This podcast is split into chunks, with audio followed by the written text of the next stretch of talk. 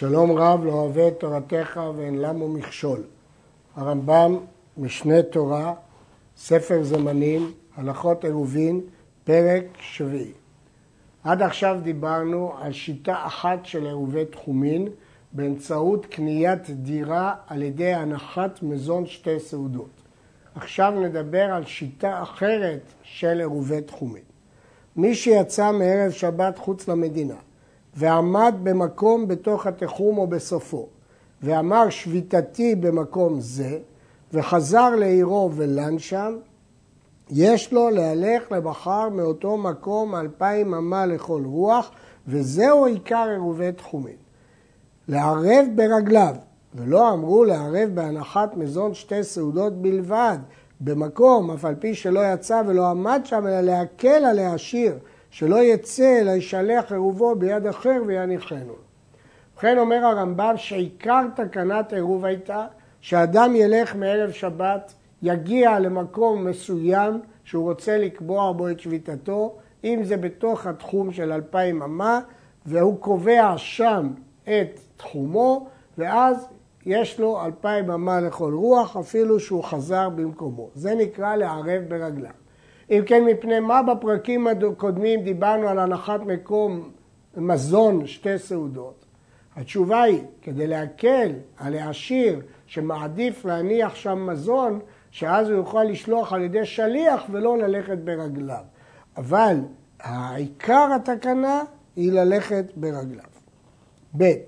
וכן אם נתכוון לקבוע שביתתו במקום ידוע אצלו, כגון אילן או בית או גדר שהוא מכיר מקומו, ויש בינו ובינו כשחשיכה אלפיים אמה או פחות, והחזיק בדרך, והלך כדי שיגיע לאותו מקום ויקנה בו שביתה, אף על פי שלא הגיע ולא עמד שם, אלא החזירו חברו ללון אצלו, או שחזר מעצמו ללון, או נתעכב. יש לו להלך עד מקום שנתכוון לו, ומאותו מקום אלפיים אמה לכל רוח. שכיוון שגמר בליבו לקבוע שם שביתתו והחזיק בדרך, נעשה כמי שעמד שם או שהניח עירובו שם. עד עתה דיברנו שהוא יכול לשים מזון שתי סעודות במקום שהוא קובע בו את דירתו, או ללכת ברגליו לשם בערב שבת.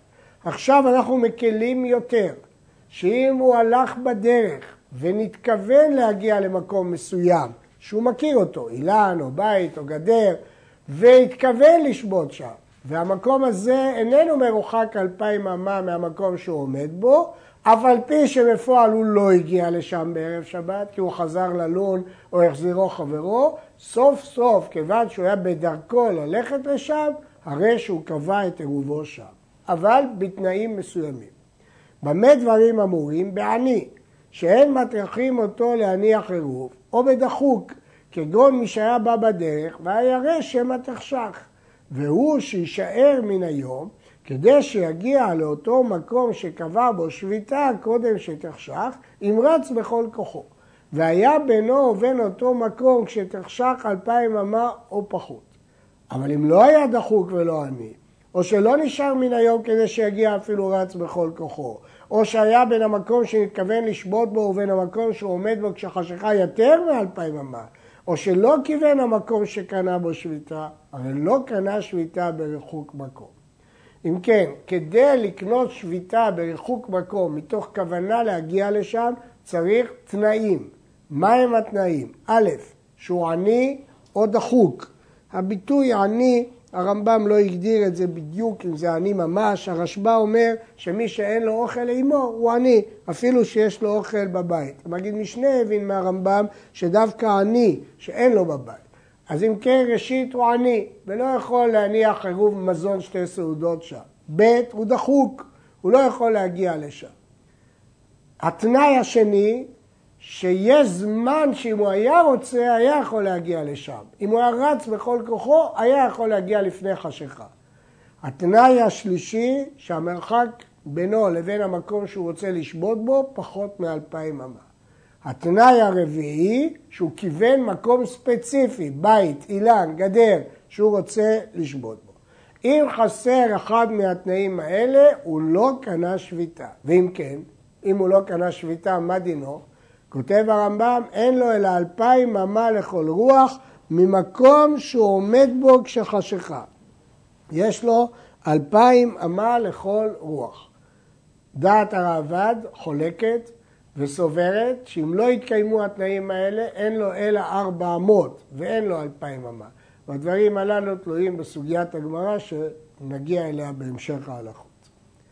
ד' מי שעמד מבעוד יום ברשות היחיד וקנה שם שביתה, או שהיה בא בדרך והתכוון לשבות ברשות היחיד הידועה אצלו, מקום מוקף ארבע מחיצות, וקבע שם שביתתו, הרי זה מהלך את כולה וחוצה לה אלפיים אמה לכל רוח. כפי שאמרנו, שאם הוא מניח מזון שתי סעודות במקום מוקף מחיצות, שהוא מהלך את כל המקום ועוד אלפיים אמה, גם כשהוא התכוון לשבות בתנאים שהוזכרו בהלכה הקודמת, בתוך שטח מוקף מחיצות, יש לו את אותו שטח ועוד אלפיים אמה.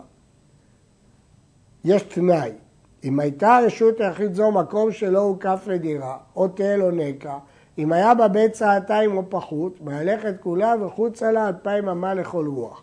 ואם הייתה יתר על בית צעתיים, כרפף שלא הוקף לדירה, אין לו בא אלא ארבע אמות, למדנו את זה פעמים רבות. וחוצה מהם אלפיים אמה לכל רוח. וכן אם הניח עירובו ממקום שלא הוקף לדירה, יש לו ארבע אמות ועוד אלפיים.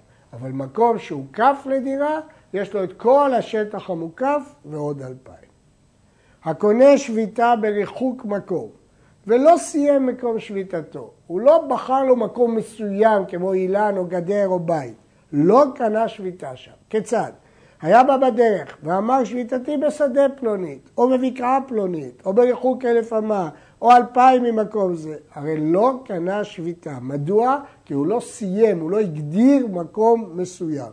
ואין לו אלא אלפיים אמה לכל רוח ממקום שהוא עומד בו כשחושכה. נדגיש, הדין הזה הוא רק שהוא לא קנה שביתה בריחוק מקום. אם הוא היה מגיע בפועל עם רגליו למקום, הוא ודאי שהוא היה קונה שביתה. אבל כאן הוא לא הגיע, הוא בדרך להגיע, והוא קבע את שביתתו שם. צריך שיהיה מקום מסוים. מה זה מקום מסוים? אמר, שביתתי תחת אילן פלוני, או תחת סלע פלונית. אם יש תחת אותו אילן או אותו סלע שמונה אמות או יותר, לא קנה שביתה. שהרי לא כיוון מקום שביתתו, שאם בא לשבות בארבע אמות אלו, שמה בארבע אמות אחרות הוא שקנה. יש שמונה אמות, והוא לא אמר איזה ארבע אמות הוא בחר לו, ולכן יש שני מקומות תחת האילן. זה נקרא שהוא לא סיים, הוא לא הגדיר את מקומו. לפיכך צריך לשבות להתכוון בעיקרו, בגזע של האילן, או בארבע אמות שבדרומו, שבצפונו, ואם היה פחות משמונה אמות תחתיו, והתכוון לשבות תחתיו, קנה. שהרי אין שם שהוא שני מקומות, והרי מקצת מקומו מסוים. ובכן, או שהוא התכוון לשבות בגזע אילן, או בארבע אמות מסוימות, או שתחת האילן אין יותר משמונה אמות. היו, וגם לא שמונה אמות, אלא פחות משמונה אמות. היו שניים באים בדרך, אחד מהם מכיר אילן או גדר או מקום שהוא קבע בו שביתה, והשני אינו מכיר. זה שאינו מכיר, מוסר שביתתו לא מכיר. הוא אומר, אני מתכוון לשבות במקום שאתה מכיר אותו. והמכיר מתכוון לשבות הוא וחברו במקום שהוא מכיר, ואז אותו מקום מועיל לשניהם, כיוון שיש אחד שמכיר את המקום וקובע לו מקום מדויק, גם השני יכול לסמוך עליו. אנשי העיר ששלחו אחד מהם להוליך להם עירובם למקום ידוע והחזיק בדרך, הוא התכוון להגיע למקום הידוע, והחזירו חברו ולא הוליך עירובם, הם לא קנו שביתה באותו מקום, שהרי לא הונח שם עירובם, ואין להם להלך ממדינתם אלא אלפיים אמה לכל רוח. עבורם לא מועיל, לא מועילה העובדה שהוא החזיק בדרך, אבל הוא, בשבילו, כן מועיל. הוא קנה שם עירוב, כמו ההלכות הקודמות, שהעירוב בא בדרך ומתכוון לשבות שם והחזיק בדרך. לפיכך יש לו למחר להלך לאותו מקום ולהלך ממנו אלפיים אמה לכל לוח. כלומר, כל הדינים שלמדנו קודם, שאם אדם הולך בדרך ומתכוון להגיע למקום מסוים שהוא איננו רחוק אלפיים אמה והוא דחוק ולא הגיע למקום, הוא קנה שביתה רק עבורו, אבל אם הוא שליח, הוא לא קנה שביתה בפועל עד שהוא יגיע לשם, או עד שיוליך את אהובם לשם. זה שאמרנו שצריך הקונה שביתה בריחוק מקום שיחזיק בדרך, לא שיצא וילך בשדה, אלא אפילו ירד מן העלייה ללך לאותו מקום. וקודם שיצא מפתח החצר החזירו חברו, הרי זה החזיק וקנה שביתה. כלומר, לא צריך ממש שהוא התחיל ללכת בדרך. מספיק שהוא עשה צעד אחד לכיוון הדרך, ירד מהעלייה לכיוון הדרך, זה נקרא כבר יחזיק בדרך, ואם בשגגה או באונס הוא לא הגיע למקום, הוא קנה שביתה בתנאים שאמרנו בהלכות הקודמות. כמובן רק לעצמו, אבל הוא לא יכול להיות שליח בלי להניח את העירוב של מי ששלח אותו. הלכה נוספת, ואין צריך לומר מי ש... וכן כל הקונה שביתה בריחוק מקום, אינו צריך לומר שביתתי במקום פלוני, הוא לא צריך להכריז בפה, אלא כיוון שגמר בליבו והחזיק בדרך כלשהו, קנה שם שביתה. ואין צריך לומר מי שיצא ברגליו ועמד במקום שקונה בו שביתה, שאינו צריך לומר כלום, כיוון שגמר בליבו, קנה. אם אדם הגיע למקום שהוא תכנן לקנות בו שביתה ולא אמר כלום, אלא החליט בלב שפה יהיה מקום השביתה שלו, ואפילו הוא לא הגיע בפועל, אלא הוא התכוון להגיע והחזירו חברו, לא צריך לומר בפה כלום, מספיק שיגמור בליבו. תלמידים שהולכים ואוכלים בלילי שבת בשדות ובכרמים אצל בעלי הבתים שפיתם מצויה לעוברי דרכים הבאים שם. ובאים ולנים בבית המדרש. מהלכים אלפיים אמה לכל רוח מבית המדרש, לא ממקום האכילה. ובכן, ישנם תלמידים שלומדים בבית המדרש, אבל כשמגיע זמן הסעודה הם מחפשים איזה בעל הבית שייתן להם אה, פת, שייתן להם סעודה. למרות שבדרך כלל אנחנו קובעים שהמקום הקובע זה מקום פיתה, מקום האכילה, ולא מקום הלינה. אבל פה מקום הלינה קובע. מדוע? מנמק הרמב"ם. שאילו מצאו סעודתם בבית המדרש, לא היו יוצאים לשדה. ואין דעתם סומכת לדירה, אלא על בית מדרשם. הם מעדיפים גם לאכול בבית המדרש וגם ללון בבית המדרש. רק שאין להם פת בבית המדרש, הם הולכים אצל בעלי בתים. אבל אילו היה להם פת, הם היו אוכלים בבית המדרש. לכן בית המדרש קובע, ולכן זהו מקומם.